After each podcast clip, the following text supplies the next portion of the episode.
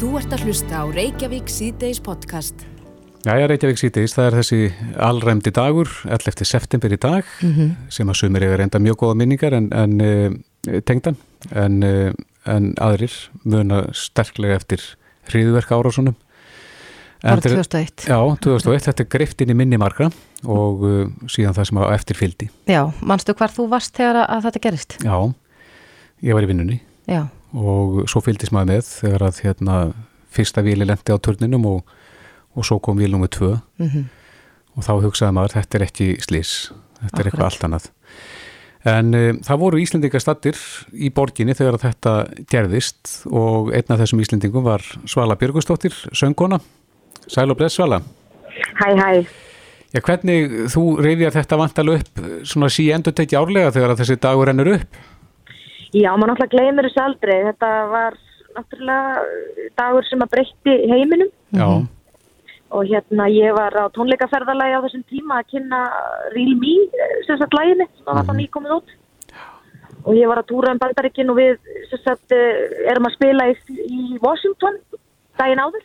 Mhm, og keirum svo inn til New York hvernig um kvöldið og, og ég vakna sérst í New York eh, 11. september og ég var vaknaði snemmi morguna því ég ætlaði að fara niður í bæ og ég var á hótel á Hudson rétt hjá Hudson River. Mhm, og kveikt á sjónvarpinu og þá var fyrsti turnin sem sagt al elda og það var ekki alveg vita hvað það hefði gert og svo sá maður bara hérna vélina fann í turnin og sími byrjaði að ringja og ég var með allt heimið mitt frá plötu fyrirtekinu með mér á þessu hóteli og þeir sögðu mér að vera með passan minn og einhverja auka hluti. Þeir vissum ekkert hvað var að gera sko, það væri bara að koma stríð óstæðlega og uh, ég fyrir niður í lobbyið til að hitta þau og þá er fylgt að fólki að hlaupa inn á hótelið og fólk að gráta á móðusjúkt og þetta var mjög sérstakt. Og svo í kjálfarið erum við þarna í þrjá daga inn í borgina því að þeir lokuðu öllum brúm og svolítið það var ekkert að fara inn og út í borginni. Eftir þetta, eftir þannig að við vorum- Já, þannig að við vorum inn í borginni í þrjá daga og uh, já, í raun og veru var útgöngubann klukkan 6 þannig að við gáttum farið utan dýra til klukkan 6 og við fórum löpum mikið í Central Park þessa daga og þar var rosalega mikið af fólki að í raun og veru bara sitja og knúsast og það var svona í raun og veru mjög falleg orka og samhælni í borginni maður fann það mikið á fólki að fólk vildi í raun og veru bara knúsast og, og einhvern veginn halda utan okkur annað Mhm, og uh, mér varst það, það var mjög fallegt en ég menn að þetta var áslega skrítið þá eftir klukkan 6 þá heyrðist bara ekki uh, nálu þetta, það var svo mikið þögn og, og borg sem að sefur aldrei og það var alltaf stuð og læti þá það var bara, þetta var bara döða borg sko, eftir klukkan 6 kvöldið. Já, hefur, hefur eitt tíma í New York, fannstu munin á borginni sko Já, þarna ég- og, og svo, já, fyrir og eftir? Já. Ég hef verið rosa mikið í New York ég menn ég, ég fyrst í New York 5 ára og ég var að fara mjög mikið uh, þangað bara úlingsárin og svo leist þannig ég viss alveg hvernig uh, borgin er í raun og veru sko. Mhm. En Svala, þegar þetta gerist þarna, þar að segja þegar að þú kveikir á sjónvarpinu og, og verður vörfið það að það sé eitthvað stórt í gangi, hvernig var þér við? Va- Varstu hrætt? Já, ég var, ég var hrætt sko og sérstaklega því að allt símakerfi dætt niður þannig ég gæti ekki hringt til Íslands og það var ekkert að ringja neitt og einhver símar, það var svo mikið álag á símakerfið að ég gæti ekki hringt fyrir en daginn eftir til Íslands í fóreldra mína. Mhm. Hvernig leið þeim vitandi af þér, já, mjög Þau ungri voru- í ég- New Þau York? voru, þau voru mjög hrætt því þau voru með kalendri mitt og sá ég var að spila 11. september í New York, ég átt að vera með mjög stóra tónleika 11. september. Mm Þannig að þau vissi ég væri þarna og þau voru vitanlega bara mjög náttúrulega stressu og hrætt. Já, ná ekki sambandi við þig? Já, þau vissi ég var náttúrulega með fólk með mér sem að náttúrulega hjælt utan um mig og var að passa upp á mig og allt svoleiðis og en það vissi bara ekki hvað var í gangi það var bara svo, ég menna það var bara svo rosa skeri í tími sko Mhm.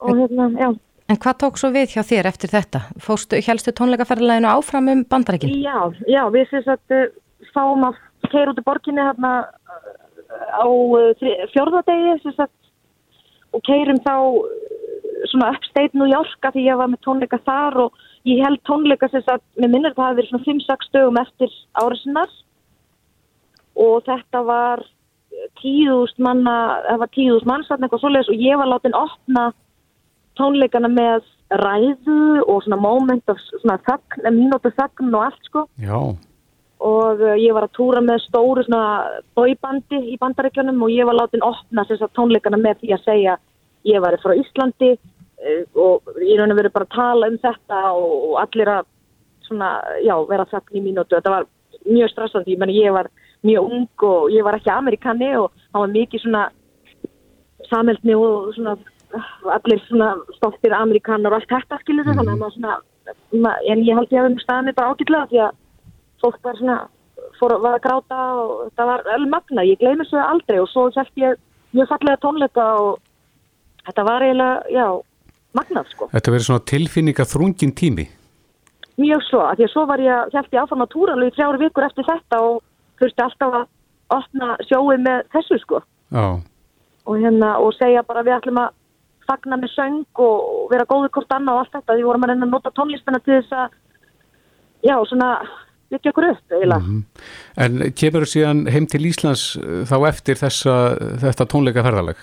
Nei, Ég sko bý í bandaríkjunum, ég bý í Los Angeles á þessum tíma, ég, ég kom svo bara um jólinn sko í desember aftur til Íslandi að segja jólinn sko heima og, og hérna þannig að hérna, ég var alveg úti alveg í óttabur og nóvambur sko og, og mest allan desember. mhm.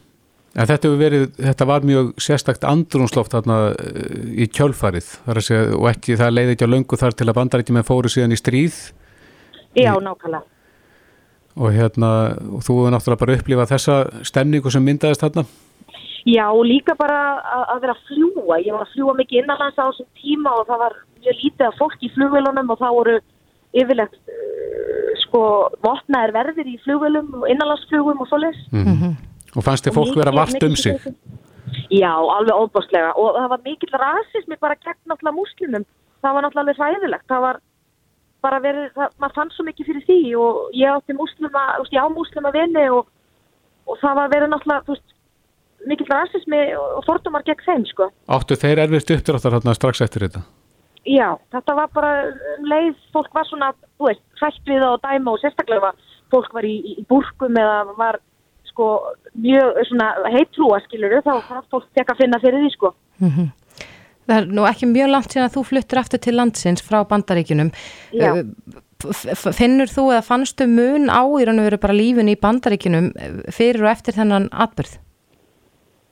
Sko það er náttúrulega heimurum breytist náttúrulega bara eftir þetta. Ég meina við vitum öll hvernig er að ferðast í dag og, og, og allt sem að maður þarf að allar þessu skönn og ég meina það er miklu meira að vera að fylgjast með náttúrulega öllu þegar maður er að ferðast og fljúa.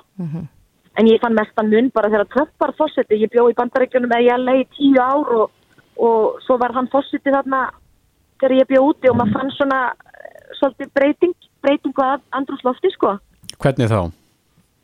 Það er bara mikið af fólki umsátt. Ég bjó náttúrulega í Kaliforni og það er svona demokrata fylki sko. Hafði, hafði það einhver áhrif á, á ákvörðin þín að koma heim eftir allan hann tíma?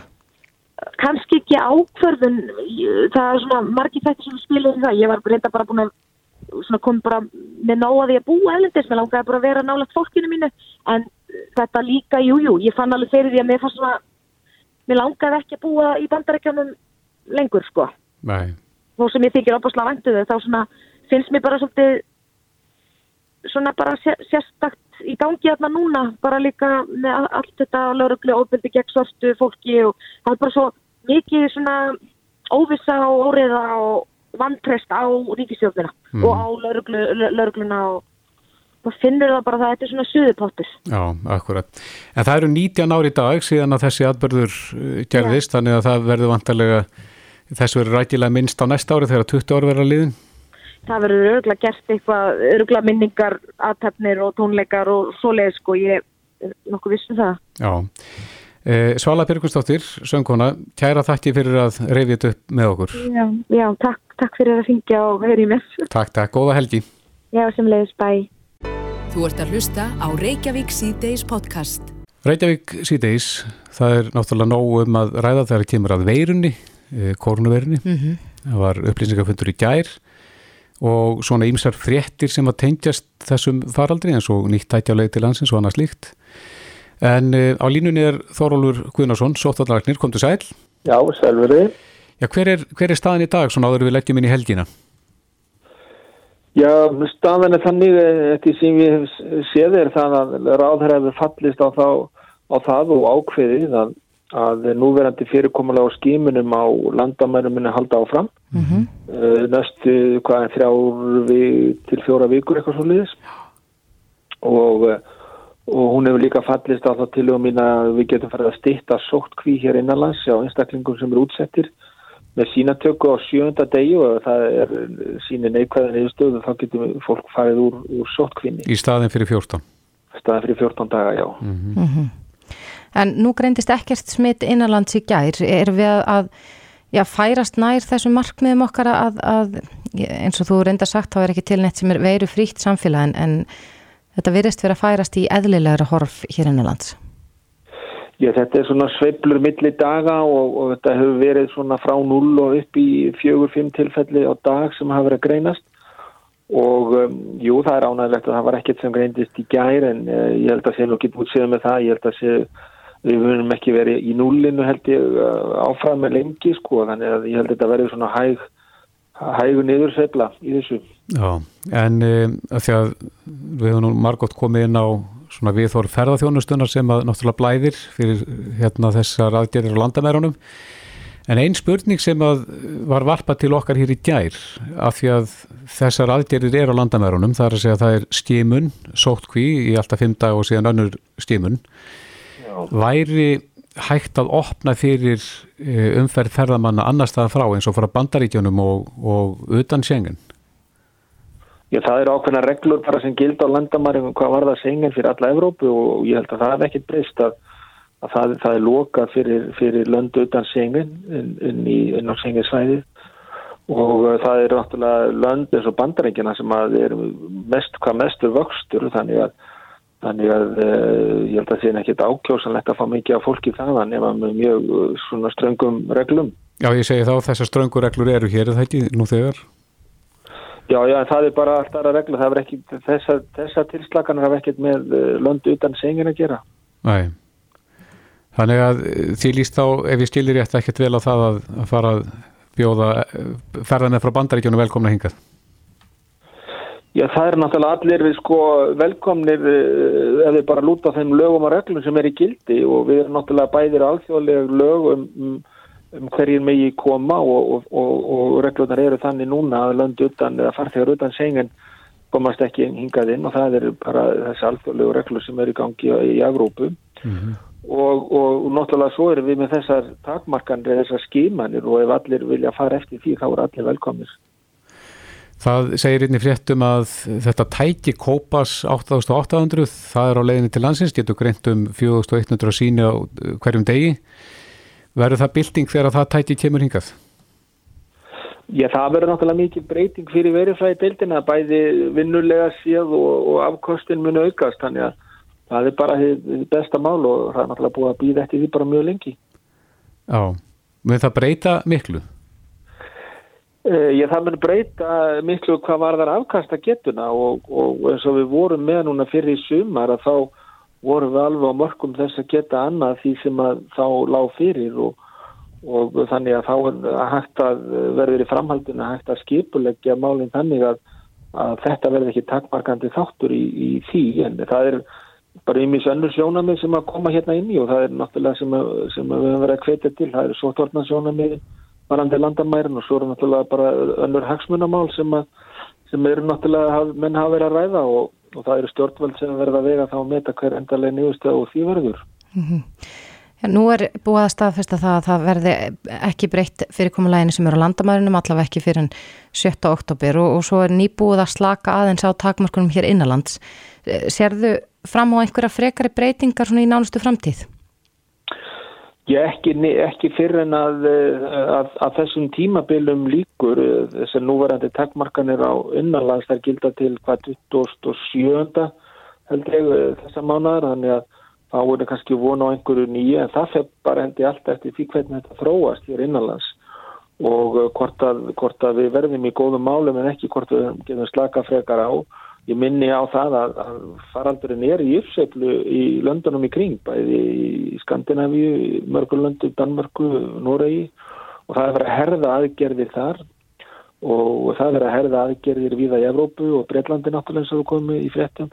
Þannig það er mjög margt að gerast eh, og, og vonandi mun það ekki skila sér hinga til lands eh, og vonandi mun þessar skímanir og landamærum koma í vekk fyrir það að við förum að fá hér mikið inn á smíti. Það er það sem máli snýst um og svo eru náttúrulega með þessar aðgerðir hér innan lands og treystum á samvinnu almennings og, og, og þessar síkingavarnir sem almenningur á að viðhafa og ef allir fara eftir þessu þá, þá held ég að við getum kannski farið að slaka frekar á. Já, það er komin út bókin Vörn gegn veiru eftir Björn Ingar Hapsson. Ertu búin að lesa hana?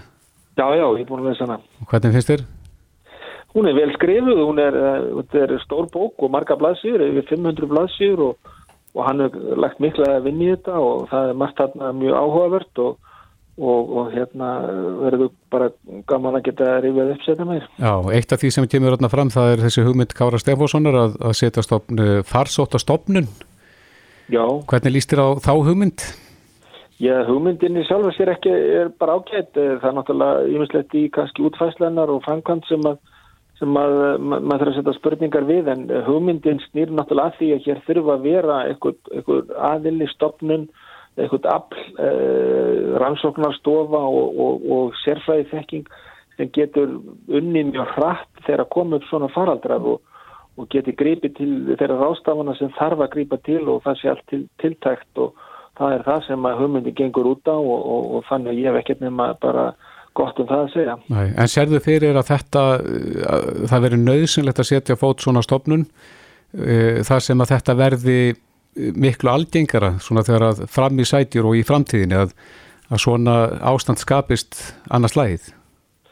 Ég, ég veit það nú ekki, ég held að svona faraldrar koma nú ekki mjög oft, eh, koma kannski nokkru sinnum á öll og, eh, og það er náttúrulega þarf að bara hugsa það er, er hægt að halda úti svona stopnun, það er líka eh, þann tíma, það er líka verið hugmyndin að að, að þetta, hvort þetta er að færast hér inn á ennbætti landlæknis og, og með, með sömu formerkjum, þar að segja uh, sama sérfræði þekkingin og sama, sami möguleikin til, til aðgerða, þannig að það þarf bara að hugsa þetta vel útfæslan en hugmyndin er bara mjög góð. Já, Þórólfur Guðnarsson, sóttvarnalæknir, kæra þakki fyrir þetta.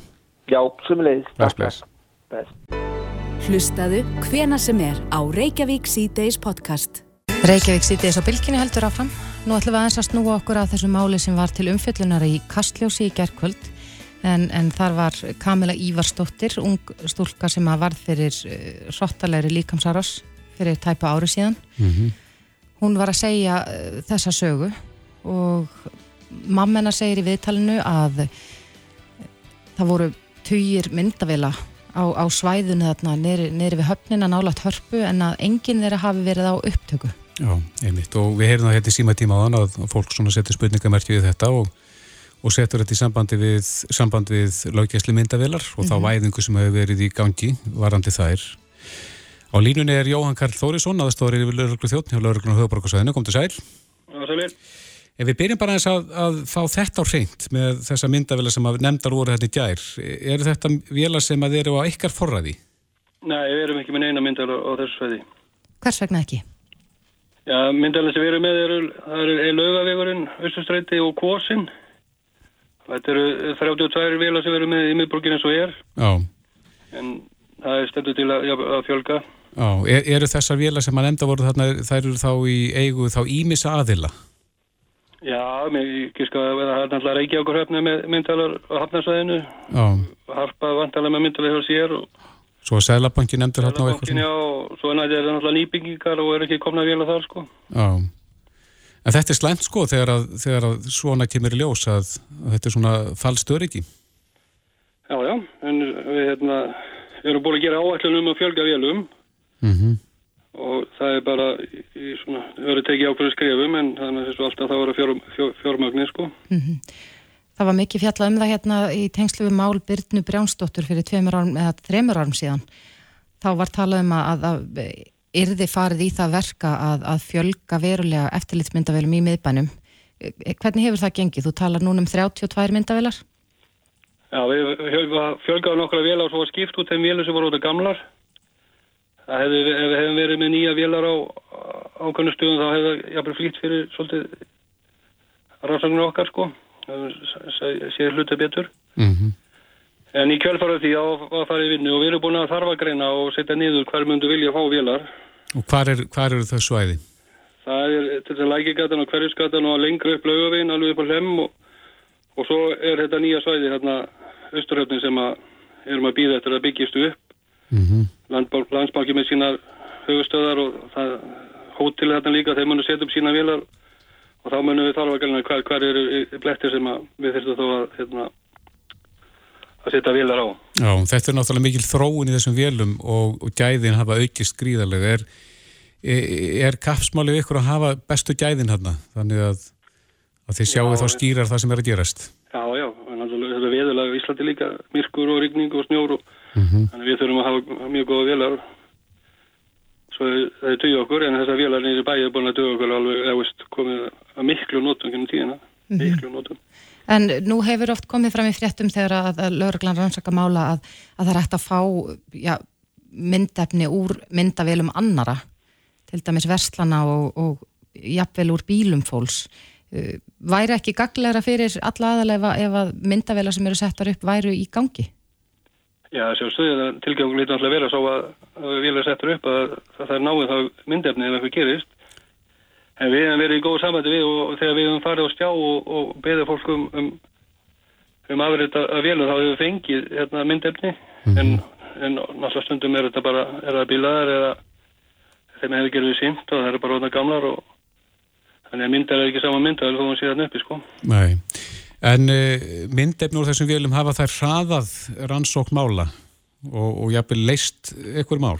Já, já, já, alveg. Það er líður varlega svo helgi að við sem ekki nota myndefni úr, úr miðborginni til þess að til að leysa líka sárósamál og alls konar mál, sko. Já, þannig að sko fyrir utan það að, að málinn leysast að þá náttúrulega sparar þetta þá vantarlega gríðarlega fjármunni líka fyrir uh, skattborgarna. Já, já, og bara, og fólk fái bara niðurstuði sín mál. Já. Þetta, er- ef þetta sést að myndbandi þá er er svolítið auðveld hérna sönnuna, sönnunarfæslan okkar, sko. Já, þannig að þetta er í hverju viku segur sem að þið leitið í þessar vélar og Ég hverja á eftir hverja einustu helgi. eru það aðalega þá líkamsárasamál? Já, það er mikið líka svo rúsir og, og svo jafnvel ef það eru þjófnar í búðum og, og er lýsing á, á, á klænaði þá getur við kannski náð manninum í, eða konunni í mynd ykkur staðar ykkur staðar annar staðar og, fengið þá skýrar myndaðum og, hérna, og jafnvel endur þekkt ef þetta eru góð kjóningar og slúðis. En Hversu góður er myndgæðin í þessum vélum? Greina þær andlit og bílnúmur og þess að þar? Þessi vélar sem er í vænu núna er, er bara, sérst, bara vinnilega svona vélar sem, sem greina, eða veist, við þurfum bara að skoða andlit og svona en, það er í planinu á, fasa 2-3 að, að, að bætin númera aflöstursvélun líka. -hmm. Þú segir fasa 2 og 3, þau eru þá vantarlega í fasa 1 núna? Það fannst þetta eru komin og það er eiginlega langt komið með hitt sko, það er komin samræðið milli neðalínunar og borgarinnar um tæknilega útfæslu og svo veldur þetta held ég bara á, á, á, á borgaráði þá að, að veita fyrir þetta sko. Það er svona allan eitthvað hlutar svo við getum farið að byrja sko. Þannig að þetta er samstarf í það minnst af þessara þryggjaðila, það er lögregla neðalínan og svo borgin. Já, þetta, er rauninni sveitafélag, þetta getur náttúrulega við seldurninni sem Mórsberg, hvað sem er sem að kemur svo til lauruglu og, og, og samtal milli sveitafélags, lauruglu og, og, neðalínunar og þetta, er samstáð okkar um að setja upp þessi vélar. En er að koma upp uh, tilfelli það sem að þið uh, sjáu þá að, að hugsanlega væri gott að hafa vélar á einhverjum öðrum svæðum heldur en er núna? Já, já, við náttúrulega fengið málu upp það sem að hefur bara, ó, okkur voru ekki með vél hérna, sko. Já, Það er alveg, sko. Já, já. Og er, er það farið í að setja slíka staði á lista? Já, sko, við, við sko, setjum ekki, ekki hvað sem er. Við erum að reyna, við erum með afbrátu tölfræði og við notum, veist, þarna, notum það sem svona leiðaljós okkar í þessu, það sem að, það sem á búast við afbrátum þar ætlum við að vera. Svo getum við náttúrulega fært vila til ef að, segjum að ykkur skemmtisar staði sem draga til sér fólk hætti störfum og það breytist í eitthvað annað húsnæði og þeir fara eitthvað annað, þá getur við svo sem bara fært vilarnas líka, sko. En er kostnaðurinn það sem stendur í vegi fyrir því að þetta gangi já, hraðar fyrir sig? Já, ætli, er það ekki alltaf eitthvað svona? Já, þannig að það, það þá stendur upp á borgina núna að, að fjármagna verkefnið. Já, ég, sé- það er samtalið milli nöðlinu okkar og borgarinnar og veitna, svo náttúrulega út á COVID þá hefur þetta allt frestast en ég vona að þetta fari bara í gang núna og ég held að peninga sé ekki fyrir staði þessu. Nei. Jó, en þetta einslag þarna í Kastljósi gær hefur vætið mikla aðtegli og, og þetta kannski þá ítir á þessa aðila ef, ef að rétt reynist að það sé slögt á þessum vilum að, að ítir við þeim að koma þessu í gagnið? Já, ég menn, menn náttúrulega það er gagslust að vera með vél er ekki í gangi, sko. Já, og eins og við nefndum þetta aðan kannski fallstöður ekki? Já. Já. Jóhann Karl Þórisson, aðstóður yfir lauruglu þjótt hjá lauruglunni á höfuborgarsvæðinu. Gærar þakki fyrir þetta og góða helgi. Já, góða helgi, takk. Reykjavík síðdeis á bylginni. Í vikunni var, var kynnt þessi auglýsing, láttu það ganga. Já. En þetta er sérst, að mér skilst, annar fasi í svona sameinlu kynningar átaki Mm -hmm. sem er til þess gert að fá okkur til þess að, að já, versla íslenskt og, og stunda viðskipti innanlands. Já, er það ekki bara eðlegt í svona ástandi þar sem að þar sem að uh, það rýður náttúrulega mikið á að, að fólk hafi atvinnu hér Mm -hmm. og uh, að við sem samfélag græðum en það þarf ofta að minna okkur á þetta Já, það þarf að gera það. Ég held reyndar að, sko, mín tilfinning er nú svo að fólk sé kannski minna að, að versla á netinu eins og var orðið svo gríðarlega vinsælt. Uh, hlutinni taka líka bara lengri tíma, Mhm. flugsamgöngur ekki er smiklar. Nei. en áður, áður við förum aðeins sökkum ofin í þetta Mm ég hef líka tekið eftir því að því að maður hefur nú verið að vesla svolítið á netinu gegnum tíðina en sendingakostnærin orðin þannig að oft bara marg borga sig að googla hverjir er að selja vöruna hér á Íslandi Já, Þannig að það, það kemur oft betur út bara að vesla við innlend aðeila. Þetta er ekki alltaf eins ódýrt og það lítur kannski út fyrir. nei, akkurat. Já, það er góða punktur. En e, þetta átæk, láttu það ganga. Já, þetta fór í lofti í vikunum með mjög skemmtilegur auðlýsingu og ég var sagði nú frá því á hana, ég gatt eða ekki hamið mig í byrjað hans að dilla mér þegar ég heyrði lægið, Já. en á línunni er Bræði Valdimar Skúlason á auðlýsingastofunni Brandenburg, kom til sæl. Já, sælverið, sælverið. Þetta er unni í samstarfi við ykkur á Brandenburg, ekki sett? Jú, við sem sagt uh, lög, lögum þetta allt saman upp og, og það var hræst í þetta lag og, og, og texta og hérna nú var bara að fá alla til að hérna kaupa, já bæði íslenska vörur og, og bara sennilega að kaupa á Íslandi Semst, þú vill líka geta keift ákveðna vörur hérna heima þó þessi ekki endilega íslenska framleysla Nei, akkurat, þannig að þetta snýst bæði um sko vöru og þjónustu. Já, sjálfsögðu, já. já. Og bara allt, sko, þú veist, líka hlustu líka tónlist og, og hérna bara allir pakkin.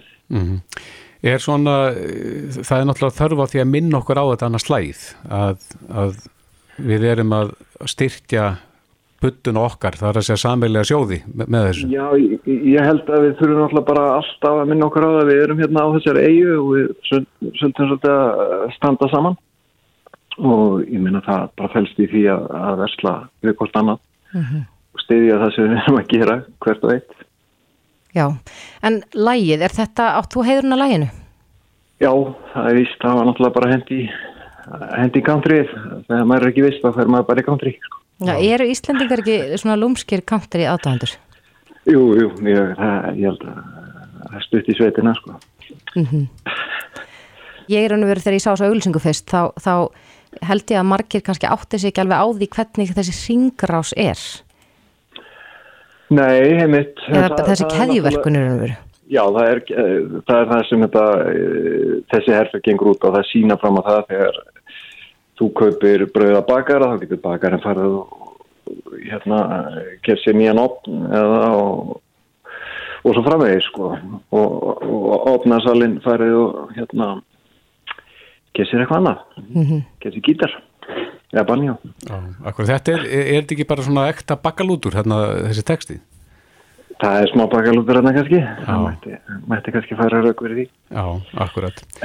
Þannig að við verum mynd á þetta annarslægi núna en eh, úr því að við erum með það á línunni þá megum við nú til með að nefna annað átæk sem að þú komst nú að og því hjá Brandeburg, það er, það er þetta eh, hérna, velhefnaða merki KSI. Já, ásýndin og KSI, það var náttúrulega mjög skemmtilegt að koma því loftið. Já, þið fengu nú samt að. Já, þið fengu nú samt einhverja pínu gaggrín á okkur hérna og þetta þótti svona svolítið þjóðarnismiða og svona en, en Það, já, já, já, það var, uh, ég meina, já, uh, þetta var það. já, Þjóðverðnismiða verður vist að segja þetta eins og er, en það er kannski mátt fara, fara aðeins varlegar þar en, en ég held að ásindin standi nú algjörlega fyrir sína. Já, þetta var nú er ekki hávar gaggríni, Bræðin, en e, tókuðu þetta nærri ykkur? E, með gaggrinina? Já. Já, bara eins og maður gerir með alla gaggrinni, það sjálfsögður. Hérna, eh, eins og ég segi, ég held að ásindin tala nú alveg fyrir sínu máli og glæsilegni í búningar og, og allt þetta. Já, og merki náttúrulega sem að ég spái nú að verði Já. eitt vinsalasta tattúið á næstunni. Emitt, já, já, þannig eru landvættirnar mættar endar í aðeins villisur röðu en, en það verður að hafa það.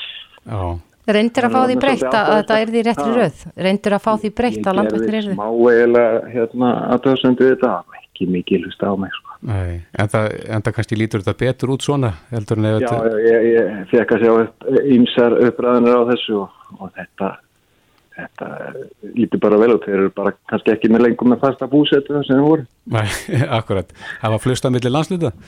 Já, já, eins og, eins og fólk gerir, sko. Akkurat. Já, Bræði Valdimar Skúlason uh, á auðlýsingarstofunni Brandenburg. Kærar þakki fyrir þetta og við skulum láta það ganga. Við látum þetta ganga. Takk hjá það fyrir. takk. Þetta er Reykjavík C-Days podcast. Reykjavík þess að bylginni heldur áfram. Ég velti því svona fyrir mig hvort að- að saumaklúpar lifi ennþá jafngóðu lífi og þeir gerðu hér áður fyrr. Já, ég vil ná veikina það, ég hef ekki heyrt þetta orð bara lengi, saumaklúpur. Ég, ég átti að vera saumaklúpi gær, Já, ég reynda fór ekki en, en það er hann svo. já. En ég En allavega, hann, hann lifir góðu lífi, hann þinn lifir góðu lífi, ég hef randur aldrei tekið upp nálega tvinna í þessum klúpum. Nei, gera það eh, ekki fæstir. Ég held það. En, en ég veit allavega oftast snýst þetta meir um mat heldur en saumaskap. já, svona matarklúpar, Já, bara svona kröðurísklúpar. kröðurís klúpar. Þetta, ég held að þetta sé orðið sem vættum að byrja að nota um þetta. En ég er svona típan sem að, ég veit aldrei hvað ég á að koma með. Ég er ekkert Nei. sérstaklega góð í eldursunni þannig að ég er ofta svona stopp í búð og kaupi keks og ost á leiðinni. Já, Kannski eina Pepsi Max. já, tök, keks og, og osta. Akkurat.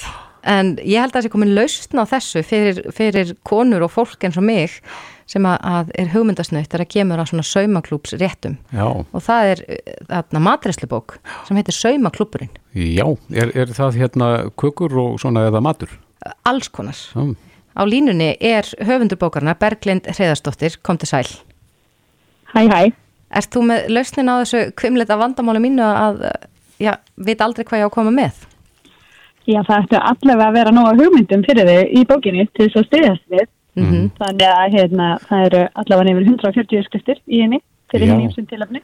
og hve- hvernig er þetta matur eða er þetta kukur eða brauð eða? Uh, þetta er svona allt í bland. Það eru bæði bara alls konar salut, alls konar ostagógæti, framsetningar á ostabökkum, aðalréttir, smáréttir, kökur og síðan hafa hérna tíu konur í kringum mig, vinkonu mínar. Ég hérna fekk þær í smá verkefni. Þær hérna settu svona upp fullbúin saumaklúb eins og þær myndi halda saumaklúb með sínum uppáhaldsréttum Mm og ég kom svo í heimsótt til þeirra og tók myndir og yfirherði það aðeins og fekk skriftir og svona. Þannig að það eru tíu slíkir fullbúnir klubbar í bókinni líka til að gefa fólki hugmyndir. Jáhá, er þetta flók, flókin eldamennska í þessum réttum? Um, nei, ég get ekki sagt það. Ég á það alveg til að gera ímestlegt sem er mjög flókið. En þessi bók, hún ætti að henda öllum. Þetta er bara allt svona einfalt, það er allir að drífa sig, það þarf að vera fljótlegt, sumt er meira svo valla eldamennska, bara að ráða saman fallegum veitingum og hráðum. Já, já, er, eru ostar og svona inn í þessu? Já, það er einn lítið kaplið með osta. En g- hvaðan kom hugmyndin að þessari bók? Að, að þú hefur áður gefið út bók, ekki satt? Mm, jú, ég var hérna höfundur af veistlubókinni í fyrra sem ég var að gefa fólki veistlur Mm og hérna tók þátt í bók með nokkrum öðrum matablokkurum sem heitir vinsælustu uppskriftinar -hmm. og þetta var bara ótrúlega gaman þannig að ég var komin eiginlega með þessa hugmyndi í hausin áður en ég var búin að klára hérna og síðan bara fór ég á stað og svo kom COVID og ég bara er frekar svona þrjóska elisfari þannig að ég bara hjælt mínu strikið þráttu þér ástandið. Mm Þannig að það voru gerðar svona hátt í hundra nýja ruskriftir á heimilinu með öll börnin heima og, og heima á skóla og engan leikskóla og fjör. Já, þannig að allir sattir og sælir þar. Já, er fengið aðeins að njóta góðsæði líka. Já, framleyslinni. Já, já. En e, þá ekki vera neitt mál að framræða þetta, er þetta bara, eh, eru réttir þarna sem að fólk getur bara reitt fram á, á núleitni? Já, Saumaklúpur í kvöld, þú grýpur bókina og, og málunum rettað. Ég myndi alveg segja það. En hver er þín tilfinning fyrir því? Eru saumaklúpar en þá, já, vinsalur þau voru áður? Já, mér finnst alltaf allir verið að fara í saumaklúp en þó svo bókin heiti saumaklúpurinn að það langar mér nú að taka það fram að þetta eru bara mjög góðar uppskriftir fyrir allskynns hittinga og gæðastundir og heimboð. Mm -hmm. Þannig að þetta þarf að sjálfsögðu ekki vera bundið við saumaklúpa en þetta var bara svona nafn sem að kom upp í höfuðið á mér og festist við bókina þannig að hérna, hún getur sannlega nýst fleirum. Já, Berglind Hriðarstóttir, eh, höfundur bókarinnar Saumaklúbrun og, og bloggari og gottir í og gerðsemar. Kæra þakki fyrir þetta. Já, takk sem leiðis. Reykjavík síðdeis á Bilginni podcast.